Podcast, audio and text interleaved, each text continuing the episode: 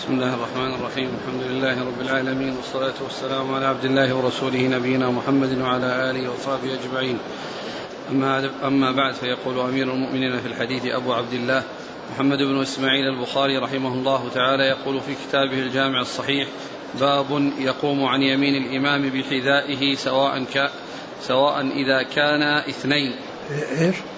يقوم عن يمين الإمام بحذائه سواء إذا كان اثنين نعم. قال حدثنا سليمان بن حرب قال حدثنا شعبة عن الحكم قال سمعت سعيد بن جبير عن ابن عباس رضي الله عنهما أنه قال بت في بيت خالتي ميمونة رضي الله عنها فصلى رسول الله صلى الله عليه وسلم العشاء ثم جاء فصلى أربع ركعات ثم نام ثم قام فجئت فقمت عن يساره فجعلني عن يمينه فصلى خمس ركعات ثم صلى ركعتين ثم نام حتى سمعت غطيطة أو قال خطيطه ثم خرج إلى الصلاة. بسم الله الرحمن الرحيم. الحمد لله رب العالمين وصلى الله وسلم وبارك على عبده ورسوله نبينا محمد وعلى آله وأصحابه أجمعين. أما بعد يقول الإمام البخاري رحمه الله باب باب. يقوم عن يمين الإمام بحذائه سواء. يقوم الإمام يقوم يقوم ب ب عن يمين الإمام بحذائه سواء إذا كانوا اثنين. سبق أن مر باب الاثنين وما فوقهما جماعة وأن أقل الجماعة تكون اثنان تكون اثنين إمام ومأموم. هذا هو أقل عدد في الجماعة إمام ومأموم. وهذه الترجمة فيها بيان موقف المأموم من الإمام فيما إذا كانوا اثنين فيما إذا كانوا اثنين فقط فموقف المأموم أن يكون عن يمين الإمام بحذائه سواء يعني مساويا له. قوله إذا كانوا اثنين يعني إذا كان إذا كانت الجماعة اثنين إمام ومأموم. فإن المأموم يقف عن يمين الإمام محاذيا له سواء يعني لا يتأخر عنه وإنما يكون مساويا له ومسامتا له. ثم ذكر حديث ابن عباس رضي الله تعالى عنهما في بيتوتته عند خالته ميمونة ليلة من الليالي ليعرف ولينظر ماذا يفعله الرسول صلى الله عليه وسلم من الصلاة في بيته في الليل.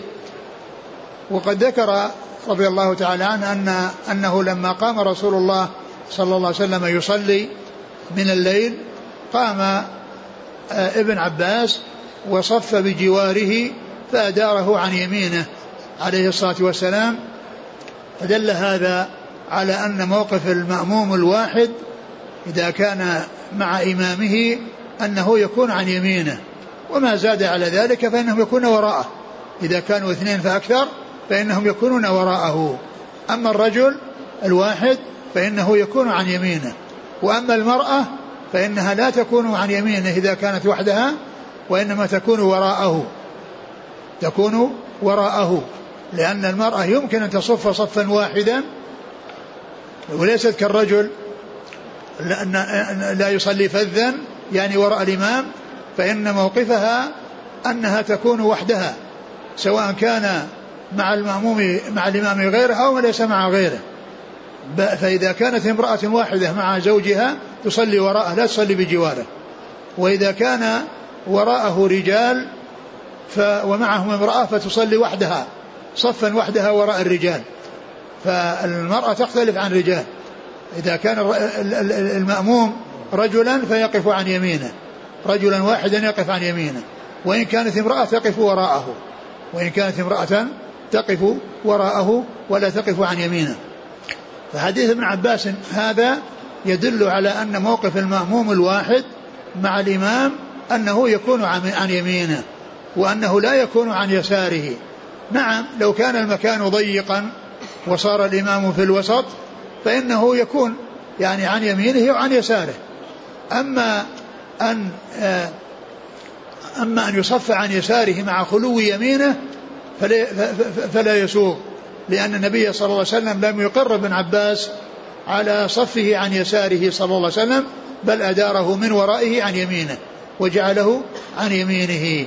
فدلنا على أن أقل الجماعة اثنين وعلى أن موقف المأموم الواحد مع إمامه أن يكون عن يمينه. وذكر حديث ابن عباس هذا الذي فيه قصة بيتوتة عند خالته وأنه صف عن يساره فأداره عن يمينه. نعم. قال حدثنا سليمان بن حرب نعم. عن شعبة نعم.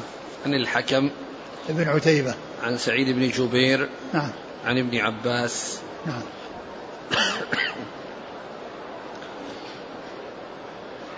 قال صلى النبي صلى الله عليه وسلم العشاء ثم جاء فصلى أربع ركعات ثم نام. نعم ثم, ثم نام. ثم قام فجئت فقمت عن يساره فجعل عن يمينه فصلى خمس ركعات. نعم. يعني أنه صلى يعني قبل ذلك وصلى بعد ذلك وهو عن يمينه في الباقي. نعم. ثم صلى ولكن جاء في بعض الروايات أنه صلى الله عليه وسلم صلى ثلاث عشرة ركعة. وهذا هو أعلى مقدار فعله رسول الله صلى الله عليه وسلم. يصلي ثنتين ثنتين ثنتين حتى جاء وختمها بواحدة أوترت له ما مضى. نعم. ثم صلى ركعتين ثم آه ثم نام حتى سمعته غطيطه أو قال خطيطه. وهذه الركعتين هي ركعتي الفجر التي بعد الأذان. فإنه كان يصليهما في بيته ثم يضطجع. وكان عليه الصلاة والسلام تنام عيناه ولا ينام قلبه. تنام عيناه ولا ينام قلبه فلا يؤثر. يعني كونه يعني ينام وأنه يعني يحصل له صوت وغطيط أو خطيط فإن ذلك لا يؤثر في حقه صلى الله عليه وسلم. نعم. قال رحمه الله تعالى باب إذا قام الرجل عن يسار الإمام فحوله الإمام إلى يمينه لم تفسد صلاتهما. قال حدثنا أحمد قال حدثنا ابن وهب قال حدثنا عمرو عن عبد ربه بن سعيد عن مخرمة بن سليمان عن كريب مولى بن عباس عن ابن عباس رضي الله عنهما أنه قال نمت عند ميمونة رضي الله عنها والنبي صلى الله عليه وسلم عندها تلك الليلة. فتوضأ ثم قام يصلي فقمت على يساره فأخذني فجعلني عن يمينه فصلى ثلاث عشرة ركعة ثم نام حتى نفخ وكان إذا نام نفخ ثم أتاه المؤذن فخرج فصلى ولم يتوضأ. قال عمرو فحدثت به بكيرا فقال حدثني كريب بذلك. ثم ذكر حديث ابن عباس تحت ترجمة أخرى وهي أن المأموم إذا صلى المأموم الواحد صلى عن يسار الإمام فأداره عن يمينه أن ذلك لا يؤثر على صلاة الإمام ولا المأموم. لا يؤثر على صلاة المأموم كونه استدار وجاء من ورائه حتى صار عن يمينه وحصلت منه هذه الحركة ولا يؤثر على صلاة الإمام كونه فعل ذلك بالمأموم حيث يعني أداره. فلا يؤثر على صلاتهما. يعني هذا الفعل الذي الذي يفعله الإمام مع المأموم إذا صف بجواره وأداره من ورائه على حتى يأتي على يمينه لا يؤثر ذلك على صلاة المأموم ولا على صلاة الإمام. لا يؤثر ذلك على صلاة المأموم لكونه انتقل وتحرك وجاء من جهة اليسار يعني إلى جهة اليمين يعني وهو على هيئته يعني على هيئته لأنه تأخر وجاء. ما هو ليس معنى ذلك أنه أنه ينصرف. ويتجه إلى إلى جهة غير القبلة وإنما يتحرك من ورائه حتى يأتي عن يمينه. وكذلك هذا الفعل الذي فعله الإمام مع المأموم لا يؤثر على الإمام.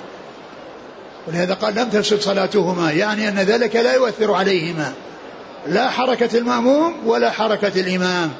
لا يؤثر ذلك على الصلاة لأن النبي صلى الله عليه وسلم فعل ذلك مع ابن عباس. ثم ذكر الحديث حديث ابن عباس وفيه ذكر أعلى شيء ثبت عن رسول الله صلى الله عليه وسلم في صلاة الليل وهو أنه ثلاث عشرة ركعة أعلى شيء وأقل شيء سبع ركعات فما نقص عن سبع وما زاد على ثلاث عشرة. نعم. قال حدثنا أحمد بن صالح. عن ابن وهب عبد الله بن وهب. عن عمرو ابن الحارث. عن عبد ربه بن سعيد. نعم وهذا أخو يحيى بن سعيد الأنصاري. يحيى بن سعيد الأنصاري المشهور الذي يأتي ذكره كثيرا وهو من صغار التابعين. أخوه مثله أيضا من صغار التابعين وهو عبد ربه بن سعيد. نعم. عن مخرمة بن سليمان. نعم. عن كريب مولى بن عباس. نعم. عن ابن عباس. وهؤلاء ثلاثة من التابعين. عبد ربه بن سعيد ومخرمة بن عبد الرحمن وكريب مولى بن عباس. مخرمة بن سليمان. مخرمة بن سليمان وكريب مولى بن عباس. هؤلاء ثلاثة من التابعين. وعبد ربه من صغار التابعين. لأن أخاه يحيى هو من صغار التابعين. الإسناد سباعي. نعم. أربعة أعلاه مدنيون. وثلاثة, وثلاثة في أسفله مصريون. نعم. قال رحمه الله قال عمرو قال عمرو فحدثت به بكيرا فقال حدثني كريب بذلك. ثم ذكر الطريق طريقا ثاني عن عمرو وهي أعلى من الطريقة السابقة. لأن الطريقة السابقة في ثلاثة بينه وبين بين ابن عباس. وهنا بينه وبين عباس بينه وبينه اثنان. قال عمرو فحدثت به بكيرا إيش؟ فقال حدثني كريب. حدثني كريب. بذلك. بذلك يعني عن ابن عباس. يعني الإسناد الأول ثلاثة يعني فوق عمر والإسناد الثاني اثنان فوق عمر في الأول نازل والثاني عال نعم.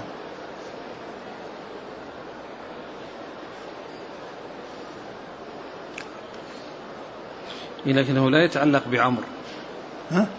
هو لا يتعلق بعمر. كيف لا يتعلق بعمر؟ يتعلق ببكير. اي نعم بس إنه يعني عمر يروي عن عن شو اسمه عن هذا اللي يروي عبد ربه ويروي عن عن بكير. روايته عن عبد ربه فيها نزول لأنه بينه وبين ابن عباس ثلاثة من التابعين. وأما الطريق الثاني فوق عمرو بن الحارث اثنان من التابعين. يعني بينه الآن صار بكير وكريب نعم. قال رحمه الله تعالى باب إذا لم ينوي الإمام أن يؤم, أن يؤم ثم جاء قوم فأمهم. قال حدثنا مسدد قال حدثنا إسماعيل بن إبراهيم عن أيوب عن عبد الله بن سعيد بن جبير عن أبيه عن ابن عباس رضي الله عنهما أنه قال بت عند خالتي فقام النبي صلى الله عليه وسلم يصلي من الليل فقمت أصلي معه فقمت عن يساره فأخذ برأسي فأقامني عن يمينه. ثم ذكر إذا إذا إذا إذا لم ينوي الإمامة ثم جاء قوم فأمهم. يعني أن ذلك سائغ. لأن الرسول صلى الله عليه وسلم دخل في الصلاة وحده. ما فيه يعني مأمومين يعني معه.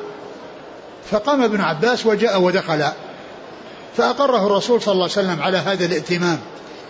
ولم يمنعه. فدل على أن ذلك سائغ وأن الإمام الرجل لو دخل وحده في صلاة ثم جاء أحد وصلى بجواره فإن هذا الائتمام صحيح.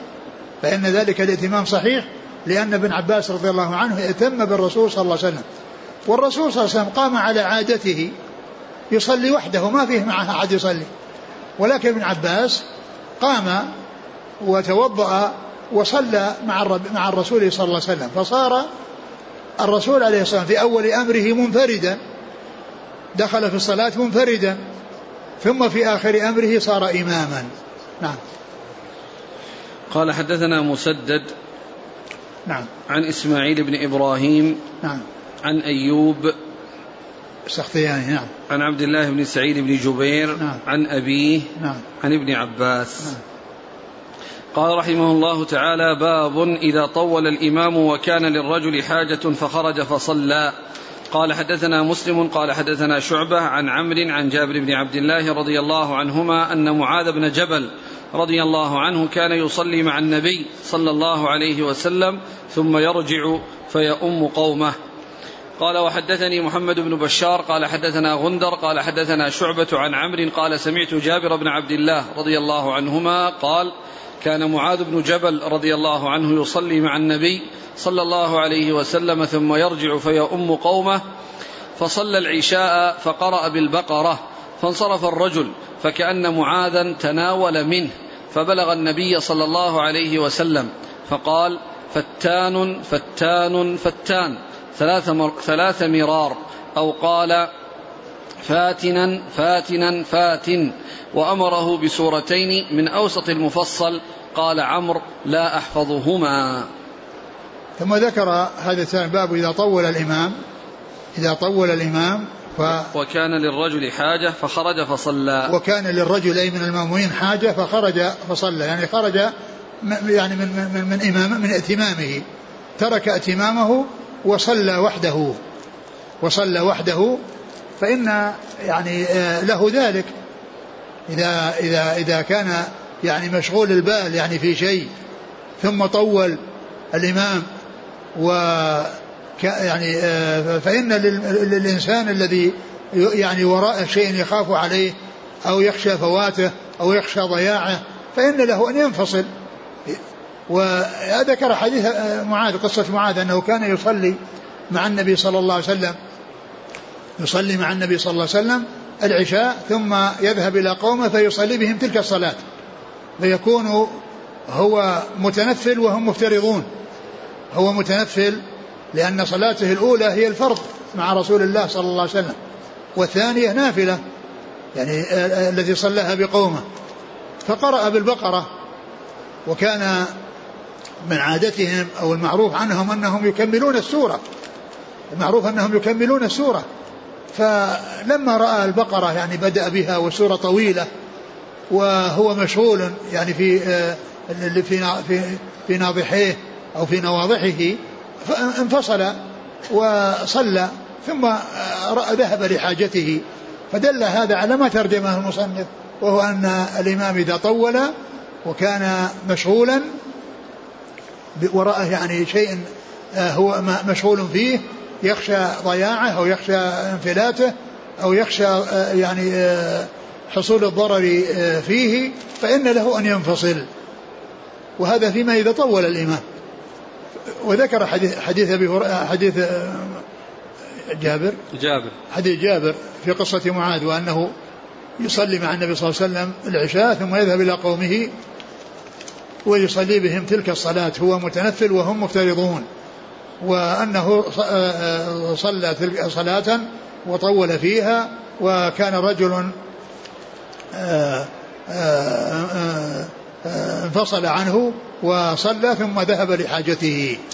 نعم. نقرأ الحديث مثلا. أن معاذ بن جبل كان يصلي مع النبي صلى الله عليه وسلم ثم يرجع فيؤم قومه. نعم. ثاني كان معاذ بن جبل يصلي مع النبي صلى الله عليه وسلم ثم يرجع فيؤم قومه. فصلى العشاء فقرأ بالبقرة. وهذا هو المحل الشاهد من إيراد الحديث الذي هو التطويل. التطويل الذي يعني يترتب على بعض المأمومين مضرة وفوات منفعة أو حصول ضرر فإن له أن ينفصل منه. نعم. فانصرف الرجل. نعم انصرف الرجل. يعني آه يعني انصرف وصلى.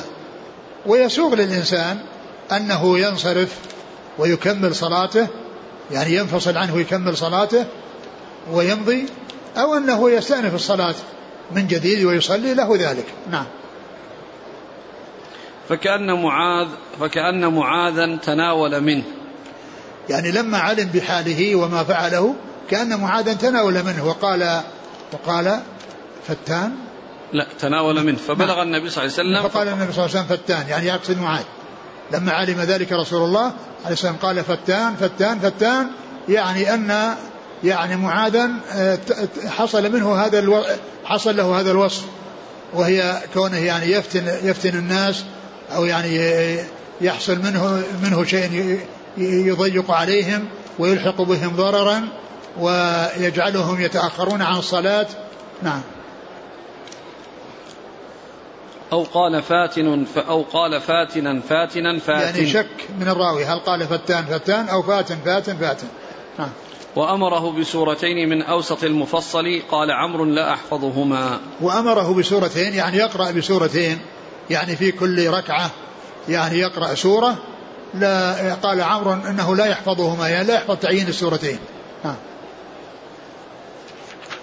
قال حدثنا مسلم ابن إبراهيم. عن شعبة عن عمرو عمرو بن دينار. يروي عن من؟ عن جابر بن نعم عبد الله. عمرو بن دينار المكي. نعم. قال وحدثني محمد بن بشار نعم. عن غندر محمد بن جعفر. عن شعبة عن عمرو عن جابر بن عبد الله. نعم. قال رحمه الله تعالى باب تخفيف الإمام في القيام وإتمام الركوع والسجود. قال حدثنا أحمد بن يونس قال حدثنا زهير قال حدثنا إسماعيل. قال سمعت قيسا قال أخبرني أبو مسعود رضي الله عنه أن رجلا قال والله يا رسول الله إني لأتأخر عن صلاة الغداة من أجل فلان مما يطيل بنا. فما رأيت رسول الله صلى الله عليه وسلم في موعظة أشد غضبا منه يومئذ. ثم قال إن منكم منفرين فأيكم ما صلى بالناس فليتجوز. فإن فيهم الضعيف والكبير وذا الحاجة.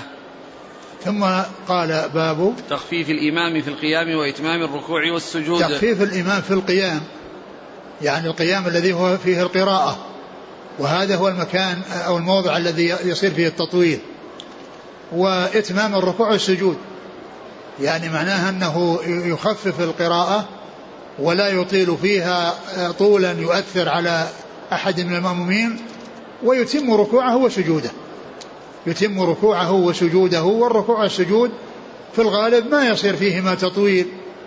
يعني لأن لأن الركوع والسجود يعني مدتهما قليلة بالنسبة للقراءة وبالنسبة للقيام لأن القيام يصير فيه الطول في القراءة وكثرة القراءة. الرسول عليه الصلاة والسلام في هذا الحديث أن رجلا جاء إلى النبي صلى الله عليه وسلم وقال إني يعني أتأخر عن صلاة الغداة أي الفجر من أجل فلان من أجل ما يطيل بنا يعني من أجل التطويل تطويل القراءة. فالرسول صلى الله عليه وسلم غضب يعني غضبا شديدا لأن مثل ذلك يصير فيه تنفير ويصير فيه ضررا على على بعض الناس وقد يكون سببا في التأخر. كما حكى ذلك هذا الصحابي الذي قال ذلك للرسول صلى الله عليه وسلم. فالرسول غضب وقال أيكم يا أيها الناس إن منكم منفرين.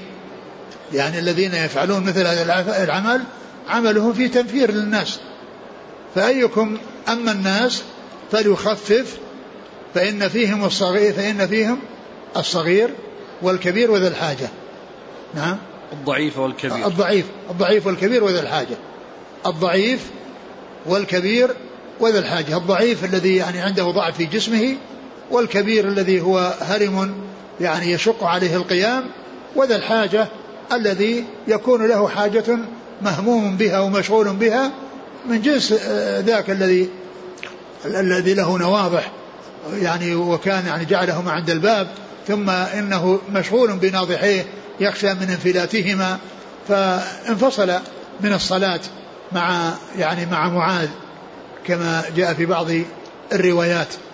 الحاصل أن الرسول عليه الصلاة والسلام أرشد إلى التخفيف وعدم الإطالة الإطالة الشديدة التي تؤثر على الناس.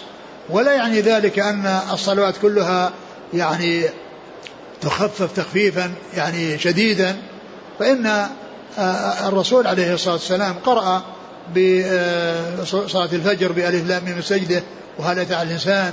وكذلك في في في سور الطوال من المفصل يعني جاء يعني مثل ذلك وهذا لا يعتبر تطويل وإنما التطويل مثل البقرة أو مثل السور الطويلة أو الشيء الذي يعني يكون فيه ولا يعني التخفيف أن الناس ما ما يقرؤون إلا شيئا قليلا فمثل قاف ومثل الذاريات ومثل الواقعة لا يأتون بها في صلاة الفجر. نعم يأتون بها صلاة الفجر وهذا هو مناسب فيها.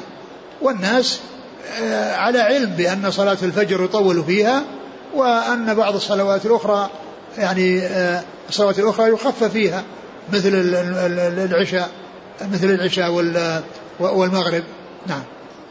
قال حدثنا أحمد بن يونس نعم. عن زهير بن معاوية عن إسماعيل بن أبي خالد عن قيس بن أبي حازم عن أبي مسعود. الأنصاري البدري رضي الله عنه. عم عقبة بن عمرو الأنصاري البدري. نعم. قال رحمه الله تعالى باب إذا صلى لنفسه فليطول ما شاء. قال حدثنا عبد الله بن يوسف قال أخبرنا مالك عن أبي الزناد عن الأعرج عن أبي هريرة رضي الله عنه أن رسول الله صلى الله عليه وسلم قال إذا صلى أحدكم للناس فليخفف فإن منهم الضعيف والسقيم والكبير وإذا صلى أحدكم لنفسه فليطول ما شاء. ثم ذكر هذه الترجمة إذا صلى لنفسه يطول ما شاء لأن لأنه الأمر لا يعدوه والأمر يخصه فله أن يطول وله أن يخفف.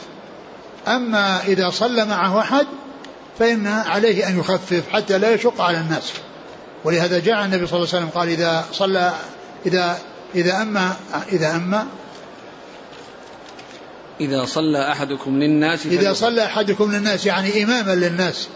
إذا صلى للناس يعني إماما لهم فإن عليه أن يخفف لأن فيهم السقيم والكبير والسقيم والكبير. الضعيف والسقيم والكبير. نعم السقيم والضعيف. السقيم والضعيف والكبير. نعم. السقيم الذي فيه مرض في سقم والضعيف الذي فيه ضعف آه، بنية وضعف يعني جسد. نعم. وإذا صلى أحدكم لنفسه فليطول ما شاء. وإذا صلى أحدكم لنفسه فليطول ما شاء. وهذا هو مقصود الترجمة. لأن الأمر لا يعدوه وهذا أمر يخصه. فله أن يطول وله أن يقصر. نعم.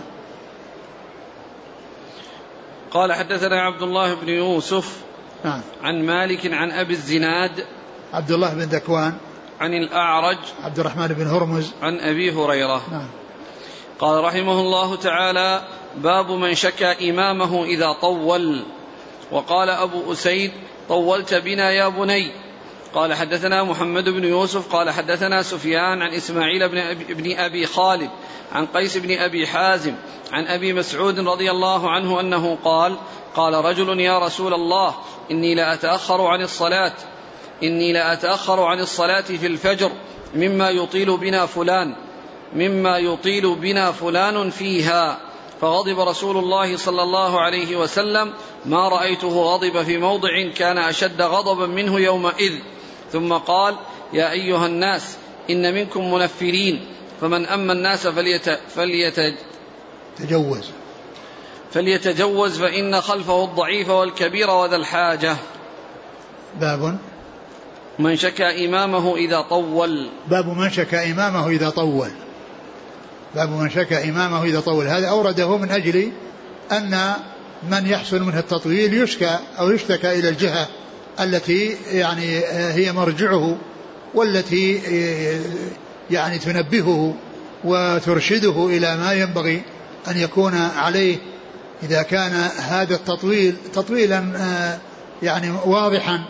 أما مجرد يعني تطويل النسبي هو معروف ومألوف في صلاة الفجر كقراءة مثل قاف والداريات والواقعة والرحمن وغيرها من السور فإن مثل هذا لا يقال إنه تطويل. لا يقال إنه تطويل. التطويل ان يكون يعني أكثر من ذلك. والذي يترتب عليه مضرة. وإلا فإن مثل هذا فعله رسول الله صلى الله عليه وسلم. فعله رسول الله كما فعل ذلك في في سورة السجدة وألف لا ألف لام السجدة وهل أتى على الإنسان. يصلي بهما في الفجر في صلاه في في, في يوم الجمعة. ف الترجمة معقودة من أجل أن من حصل منه ذلك فإنه يرفع أمره إلى الجهة المسؤولة التي تتحقق من فعله وأن يعني وأنه يفعل فعلا يضر يضر بالناس ويلحق ضررا بالناس فينبه على ذلك ويرشد إلى ذلك. وهذا أورد حديث ابن مسعود الذي فيه الرجل الذي أخبر بأنه يتخلف عن صلاة الفجر من أجل فلان مما يطيل بهم فالرسول عليه السلام غضب غضبا شديدا وقال آه، إن منكم منفرين فأيكم يعني أما الناس فليخفف فإن فيهم السقيم والكبير وذا الحاجة. فإن خلفه الضعيف والكبير وذا الحاجة. نعم.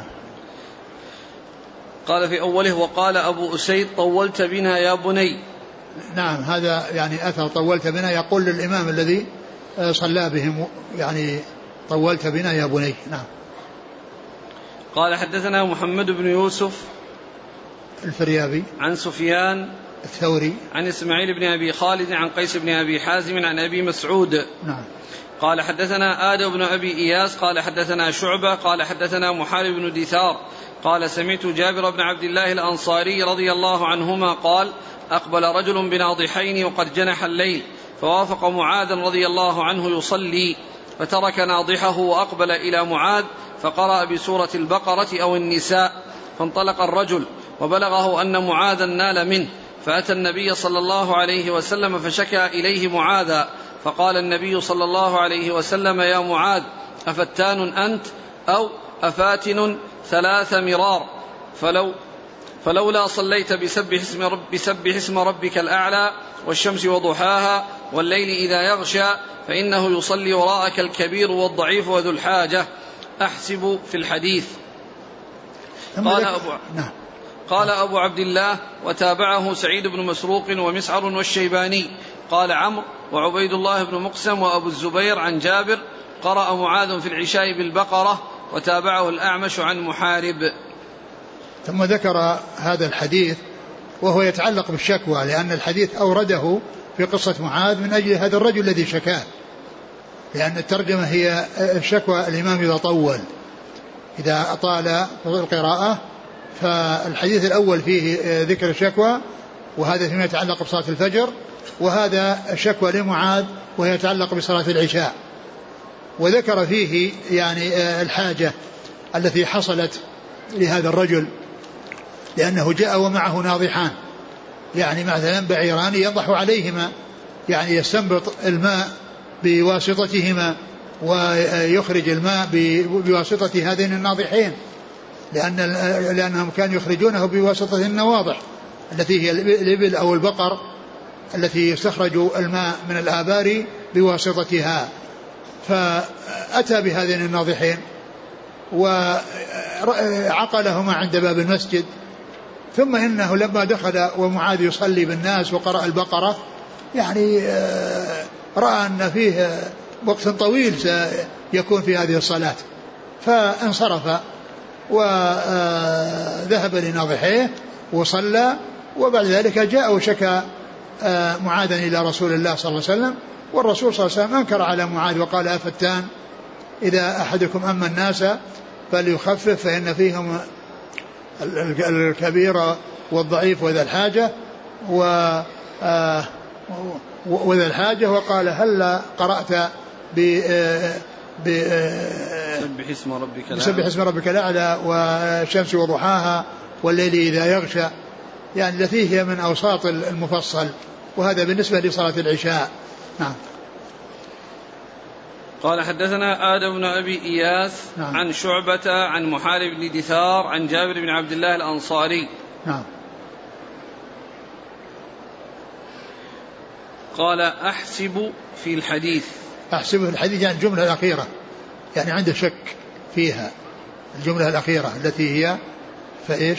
فأيكم؟ فإنه يصلي وراءك الكبير نعم. والضعيف وذا الحاجة. نعم نعم. قال أبو وهي, وهي ثابتة.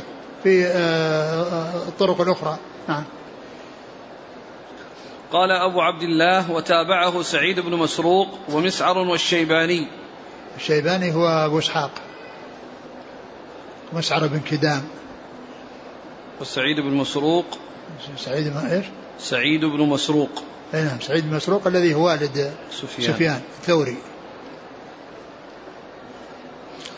قال عمرو وعبيد الله بن مقسم وأبو الزبير عن جابر. قال؟ قال عمرو. عمرو بن دينار. أيوه. وعبيد الله بن مقسم نعم. وأبو الزبير عن جابر. عن جابر قرأ معاذ في العشاء بالبقرة. نعم. قرأ معاذ بالعشاء بالبقرة. وذاك اللي قال أنها البقرة والنساء نعم. نعم. وتابعه الأعمش عن محارب. نعم. تابع شعبة. نعم.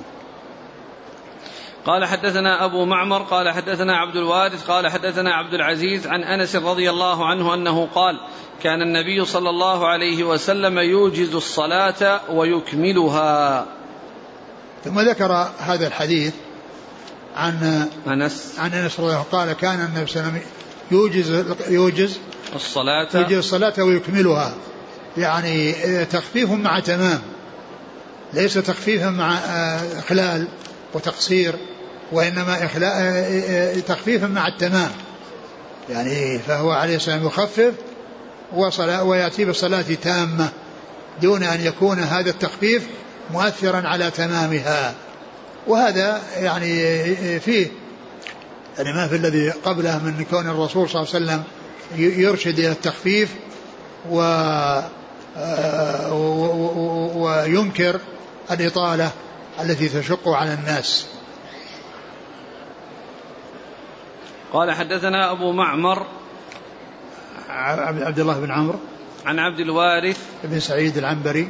عن عبد العزيز بن صهيب. عن أنس. نعم.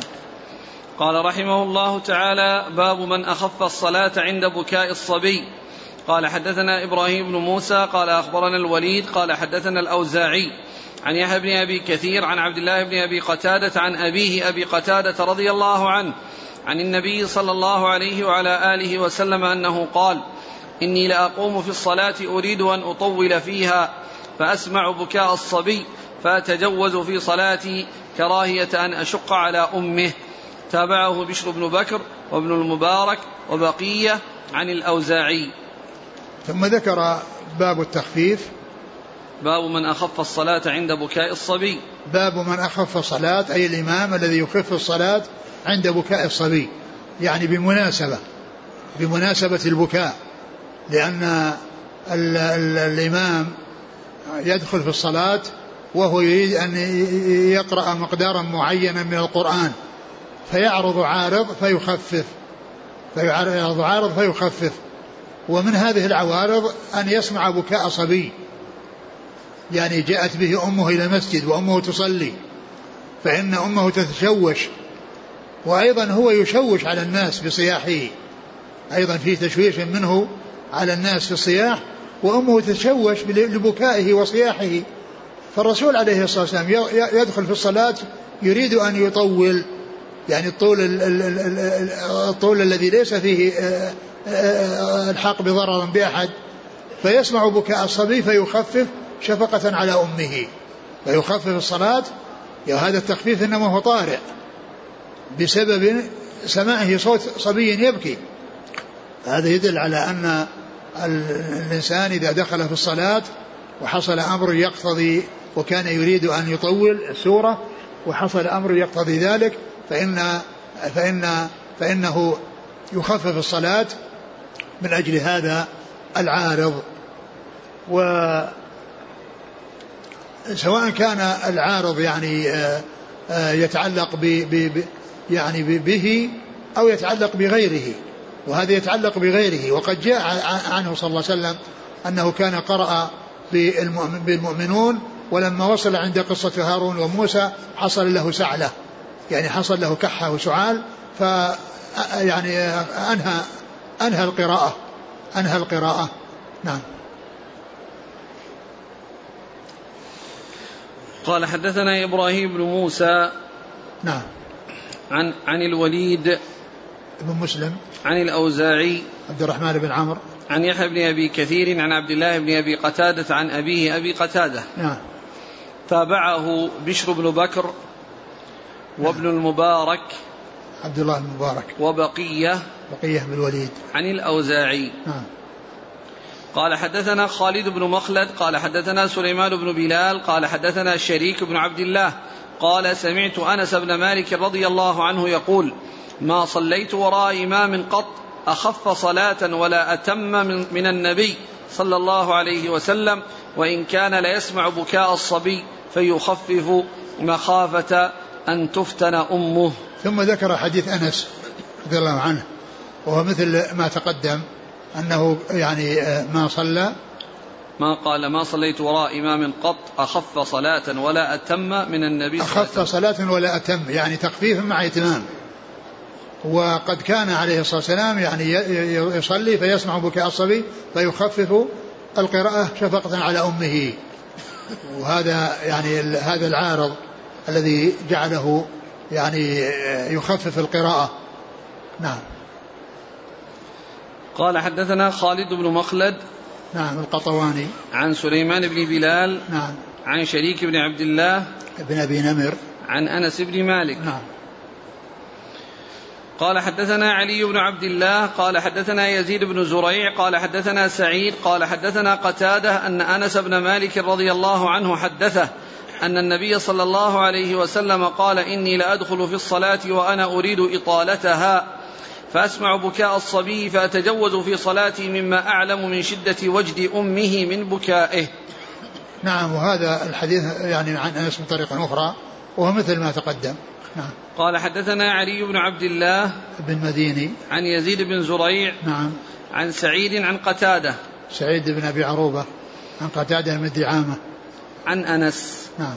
قال حدثنا محمد بن بشار قال حدثنا ابن أبي عدي عن سعيد عن قتادة عن أنس بن مالك رضي الله عنه عن النبي صلى الله عليه وعلى آله وسلم أنه قال إني لادخل في الصلاة فأريد إطالتها فأسمع بكاء الصبي فأتجوز مما أعلم من شد من شدة وجد أمه من بكائه.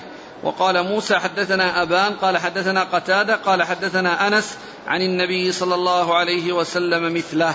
نعم. قال حدثنا محمد بن بشار عن ابن أبي عدي. نعم وهو محمد بن إبراهيم. نعم. عن سعيد عن قتادة عن أنس. نعم. وقال موسى ابن اسم... ابن إسماعيل تبوذكي. عن أبان أبان بن يزيد. العطار نعم. عن قتادة عن أنس. نعم. مثله. نعم. قال رحمه الله تعالى باب إذا صلى ثم أم قوما.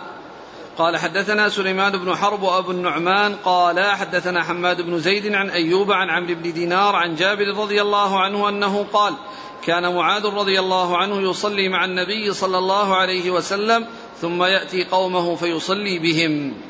ثم قال باب إذا صلى ثم أما قوما يعني أنه حصلت منه الصلاة وأدى الفرض ثم إنه أما قوما مفترضين فإن ذلك صحيح لأن معاذ بن جبل رضي الله عنه كان يصلي مع النبي صلى الله عليه وسلم صلاة العشاء ثم يذهب إلى قومه فيصلي بهم تلك الصلاة.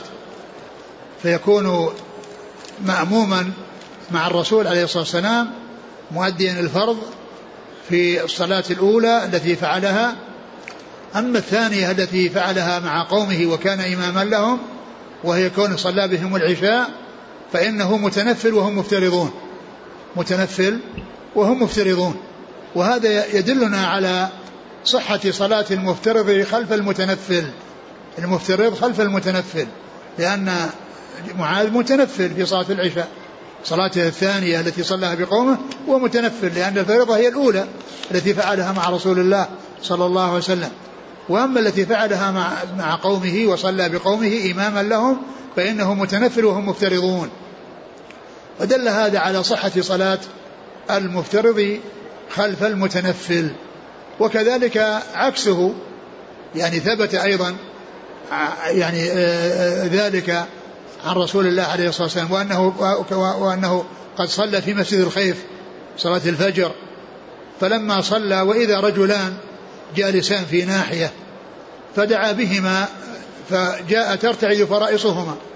ما يدرون إيش الذي حصل يعني بالنسبة لهم. فقال لماذا لم تصليا؟ قال إنا صلينا في رحالنا. صلينا في رحالنا. يعني في, في منى صلوا في رحالهم. قال إذا صليتما وآتيتما والإمام يصلي فصليا معه تكن لكما نافلة. فدل هذا على صلاة المتنفل خلف المفترض عكس الذي حصل لمعاذ. عكس الذي حصل لمعاذ. وكذلك أيضا يصح صلاة المفترض خلف المفترض. يعني في فيما إذا إنسان يصلي الظهر خلف من يصلي العصر. إنسان يصلي الظهر خلف من يصلي العصر وهكذا. فإن كل ذلك سائغ. نعم.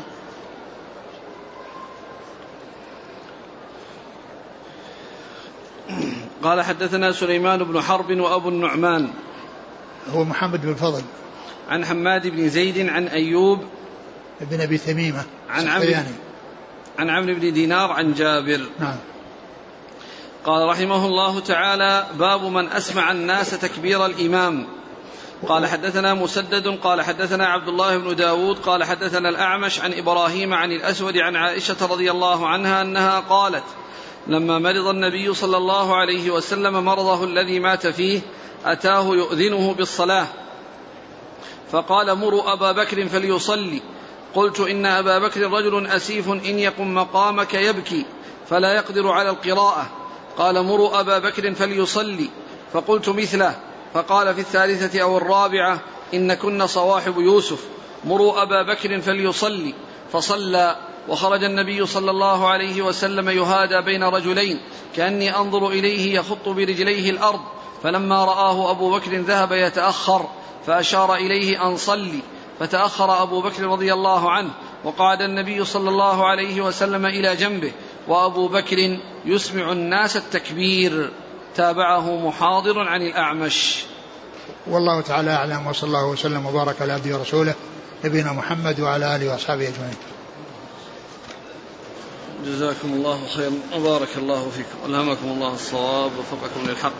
شافاكم الله وعافاكم. نفعنا الله ما سمعنا وغفر الله لنا ولكم وللمسلمين أجمعين. آمين.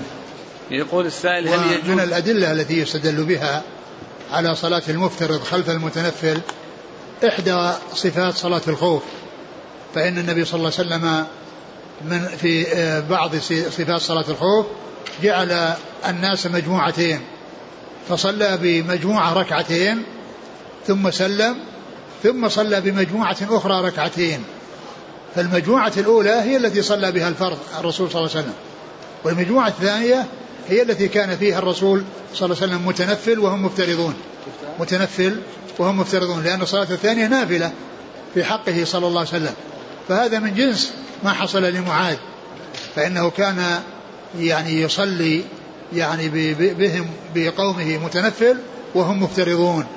وهذا فعل الرسول صلى الله عليه وسلم في إحدى صفات الخوف حيث صلى ركعتين بالمجموعة الأولى وسلم ثم صلى بالمجموعة الثانية ركعتين وسلم. فالمجموعة الثانية هو متنفل لأنه صلى الفرض في مع المجموعة الأولى وهم آه، مفترضون. فهذه من جنس أو من وفق ما جاء في قصة آه، معاذ بن جبل مع قومه فحيث كان يصلي بهم. والرسول صلى الله عليه وسلم يعلم ذلك وقد شكي يعني وعرف الذي قد حصل وأنه كان يطول بالناس بعدما يأتي مصليا مع الرسول صلى الله عليه وسلم. فهذا أيضا دليل آخر على صحة صلاة المفترض خلف المتنفل. هذا يقول هل يجوز العكس أن يصلي الإمام الصلاة الأولى نافلة ثم يأتي إلى قوم يصلي بهم لا لا لا. يعني لأن الأولى هي الأولى هي الفريضة. الصلاة الأولى هي الفريضة. نعم. هذا يقول أنه قل كنت في قرية نائية فصليت بطلاب المدرسة صلاة الظهر ونويتها نفلا. ولما جئت المدينة ودخلت المسجد هذا وجدتهم يصلون العصر فصليت معهم الظهر ثم صليت العصر منفردا وكنت أريد فضل الصلاة في هذا المسجد. أعيد السؤال؟ أعيد السؤال. يقول كنت في قرية نائية فصليت بطلاب المدرسة صلاة الظهر ونويتها نفلا. ثم أتيت المدينة ودخلت المسجد النبوي فوجدتهم يصلون صلاة العصر. فصليت معهم الظهر ثم صليت العصر منفردا. وكونه صلى نافلة ما كان ينبغي له أن يصليها نافلة وهو يعني عليه وقد دخل الوقت وعليه الفرض. فإن فإنه لا يتشاغل بالنوافل عن الفرائض. لا يتشاغل بالنوافل عن الفرائض بل يأتي بالفرائض أولا ثم يأتي بالنوافل. فلكن يعني كونه قد حصل منه ذلك يعني فعمله ما كان ينبغي والصلاة صحيحة. والثاني؟ وبعده؟ وبعد ذلك يقول ذهب وجاء المسجد. المسجد النبوي فوجدهم يصلون العصر فدخل معهم بنية الظهر ثم صلى العصر منفردا. يصلون العصر؟ إيه. نعم تصح الصلاة. يعني صلاة آه، الذي يصلي الظهر خلفه يصلي العصر تصح. لكن عمله من أصله يعني ما كان ينبغي. كان ينبغي أن تكون صلاته الأولى هي الفريضة. وبعد ذلك تبقى عليه صلاة صلاة العصر ويأتيها يصليها مع الناس. يقول كيف نوفق بين روايتي ابن عباس في إحداهم في إحداهما ذكر ثلاث عشر ركعة؟ وفي الأخرى خمس ثم ركعتين. ما أدري يعني قضية يعني هذا هذا الذي قد حصل يعني من مع أنها قصة واحدة. أنها قصة واحدة وهي بيت بيتوتة يعني مرة واحدة. يعني إذا لو تكرر أو عرف أنها تكررت يصير ما في إشكال. لكن إذا كان لم تتكرر فالإشكال قائم. فالإشكال قائم. وقد يكون يعني أن أن أنه أنه أربع أنه كان أتي بها على حدة بمعنى أنها يعني آه، لها مقدار معين ثم بعد ذلك يعني أتى بالصلوات الأخرى ولها مقدار معين مثل ما جاء في بعض الروايات أنه كان يصلي أربعا فلا تسأل عن حسنهن وطولهن ثم يصلي أربعا. هذه محتمل أن تكون متصلة وأن تكون منفصلة. وأن تكون منفصلة. ومعنى منفصلة أن الأربعة الأولى يعني أنها متماثلة ركعتين ركعتين. والأخرى التي بعدها متماثلة ركعتين ركعتين. وبهذا يتفق مع ذكر التفصيل الذي هو ثلاثة عشر ركعة وكل ركعتين على حدة. يقول يوجد في قريتنا إمام يفعل البدع منها قراءة القرآن على القبور وكتابة التمائم للمرضى. فهل تجوز الصلاة وراءه؟ لا يصلح مثل هذا. أهل البدع ينقسمون إلى قسمين. منهم من بدعته مكفرة فهذا لا يصلى وراءه. ومنهم من بدعته مفسقة فهذا لا يصلى وراءه يعني في الاختيار. وذلك بأنه إذا وجد غيره ممن هو مستقيم ويصلي وراءه فإن هذا هو الذي ينبغي. وإن آه، صلى وراء هذا المبتدع البدعة غير المكفرة فإن الصلاة صحيحة لكن لا يصلح أن يكون ذلك إماما راتبا ولا يصلح أن يقدم يعني في الناس مع وجود من هو يعني سليم من البدع و وفيما يتعلق بالمسؤول عنه وهو قراءة القرآن يعني في المقابر هذه من البدع وليست من الشرك. وأما فيما يتعلق بالتمائم وكتابة التمائم فالتمائم منها ما هو في القرآن من القرآن وهذا أجازه بعض العلم وإن كان صحيح خلافه وأنه لا ينبغي أن تتخذ التمائم حتى ولو كانت من القرآن لأن ذلك يترتب عليه محاذير وهو أنه وسيلة إلى اتخاذها من غير القرآن وأيضا إهانة القرآن والاستهانة به لا سيما وكون الإنسان يدخل فيه بالحمام أو يعلق على الصبيان والصبيان يعني يحصل منهم النجاسات. ويحصل منهم تلويثه بالنجاسات وما إلى ذلك. ف فمثل هذا إذا كان التمائم هي من هذا القبيل الذي فيه خلاف فإن الصلاة تصح لأنه لا يصح. وأما إن كانت التمائم هذه التي يعملها فيها شرك وأنها يعني مشتملة على شرك فإن مثل هذا عمل منكر ولا يجوز أن يصلى وراء من يكون كذلك. لكن آه، أهل البدع يعني إذا كانوا أئمة راتبين آه الذي ينبغي أن يسعى إلى آه تغييرهم بمن يكون سليما وإن لم يحصل فإن من يكون سليما عليهم أن يسعوا إلى إيجاد مسجد يعني يصلون فيه على وفق السنة وعلى البعد من البدع وعلى السلامة من البدع. يقول شيخنا الفاضل هل هناك حد معين للتخفيف مع الكمال مثلا في عدد التسبيحات في السجود والركوع. يعني الواجب هو مرة واحدة وأدنى الكمال ثلاث. يقولون أدنى الكمال ثلاث يعني ثلاث مرات. يقول سبحان ربي الأعلى ثلاث مرات. ومن المعلوم أن السجود فيه هذا الذكر وفيه الدعاء بل إن السجود هو مظنة قبول الدعاء. ومظنة وموضع الإكثار من الدعاء. لأن الرسول عليه الصلاة والسلام قال آه، أما الركوع فعظموا فيه الرب وأما السجود فأكثروا فيه من الدعاء فقامن أن يستجاب لكم. وأما السجود فأكثروا فيه من الدعاء فقامن أن يستجاب لكم. لكن الواجب عند بعض أهل العلم أنه يؤتى بمرة واحدة من سبحان رب الأعلى.